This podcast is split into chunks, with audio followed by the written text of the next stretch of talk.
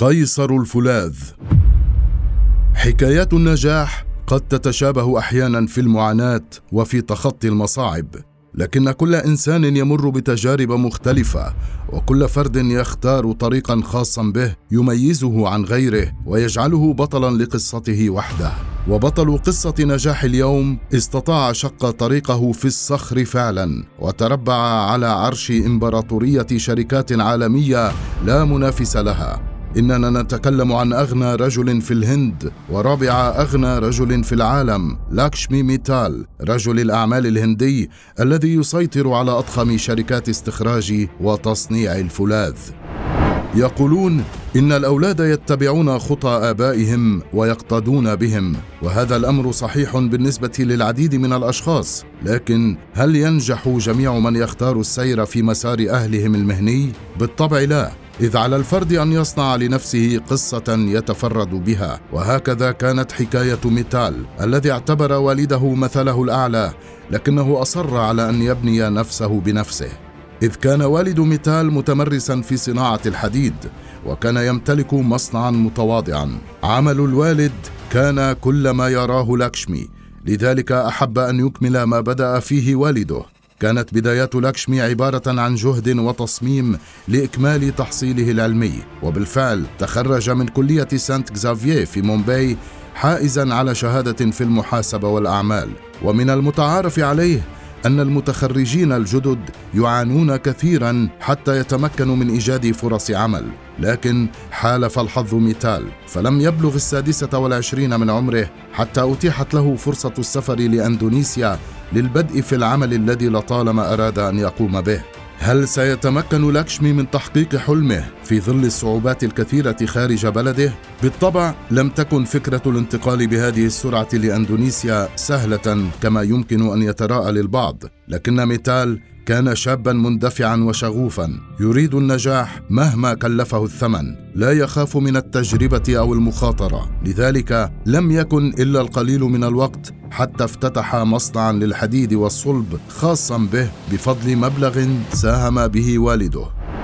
تمتع ميتال بأسلوب عمل يدرس لناحية مهنيته وجديته فأحسن إدارة مصنعه لفترة دامت لعشر سنوات. لكنه قرر أنه لن يكتفي بهذا المصنع فقط بل سيحاول تأسيس العديد من الفروع. لم تكن هذه الخطة سهلة التنفيذ فكيف له أن يتوسع في أنحاء العالم وهو لا يملك القدرات الكافية بعد؟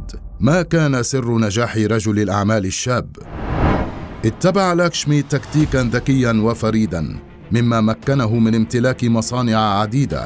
فبعد أن ازدهر مصنعه في أندونيسيا عاما بعد عام أصبح من أشهر وأكبر مصانع الحديد والصلب في قارة آسيا.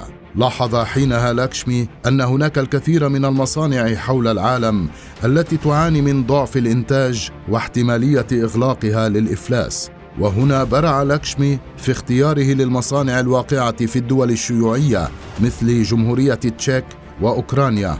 وبدأ بشرائها. وكذلك بدأت طريقة التوسع التي اتبعها ميتال ليستحوذ على جميع شركات الحديد والصلب المتواجدة في دول ترينيداد توباغو بعد أن استسلمت الحكومة حينها لإفلاس تلك الشركات. واستمر عمل ميتال بهذه الوتيرة وبقي مثابرا ومصرا على امتلاك أي شركة تكون على شفير الإفلاس وحولها إلى مركز نجاح جديد. فلنقل إن نجاحات لاكشمي ميتال لم تكن صدفة أو حظا بل كانت نتيجة عمل دؤوب وإصرار على الاستثمار بكل ما يمكن. فبحسب ميتال لا يمكن للمرء أن يكسب في حياته إذا لم يجازف يوما. وبالمخاطرة التي كان يقوم بها عند شراء مصنع مفلس كان يراهن كل مرة على مهاراته. وكان يكسب الرهان لأنه مصمم على إعادة العمل للمصنع وإنجاحه. واستمر في التصاعد حتى امتلك مصانع في أرجاء آسيا وأوروبا وأمريكا الشمالية. لم تكن النجاحات المتتالية لميتال تغريه أو تدفعه للكسل أو للتوقف بل على العكس تماما. كان لكشمي يزداد خبرة ورغبة بالاستمرار على النحو المتصاعد ذاته. وفي عام 2004 افتتح شركة ميتال للحديد والصلب وقد أطلق عليها اسم العائلة تكريما لجهود والده سابقا.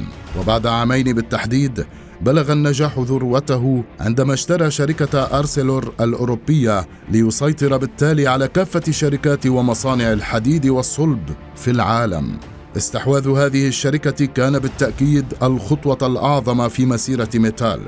إذ دمج أرسلور مع شركته الأم ميتال ليصبح اسم الشركة أرسلور ميتال.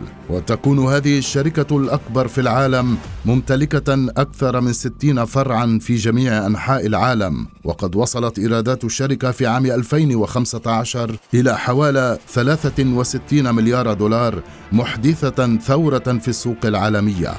لم يكن ميتال سيبلغ المكانة التي هو عليها اليوم لو لم يؤمن بنفسه. وها هو الإيمان قد أوصله إلى لوائح أغنى رجال العالم وأكثرهم تأثيرا. فميتال لم يولد في أكثر العائلات ثراء بل اقتدى بوالده وكد حتى تمكن من أن ينمو في المجال الذي هو اليوم رائد فيه.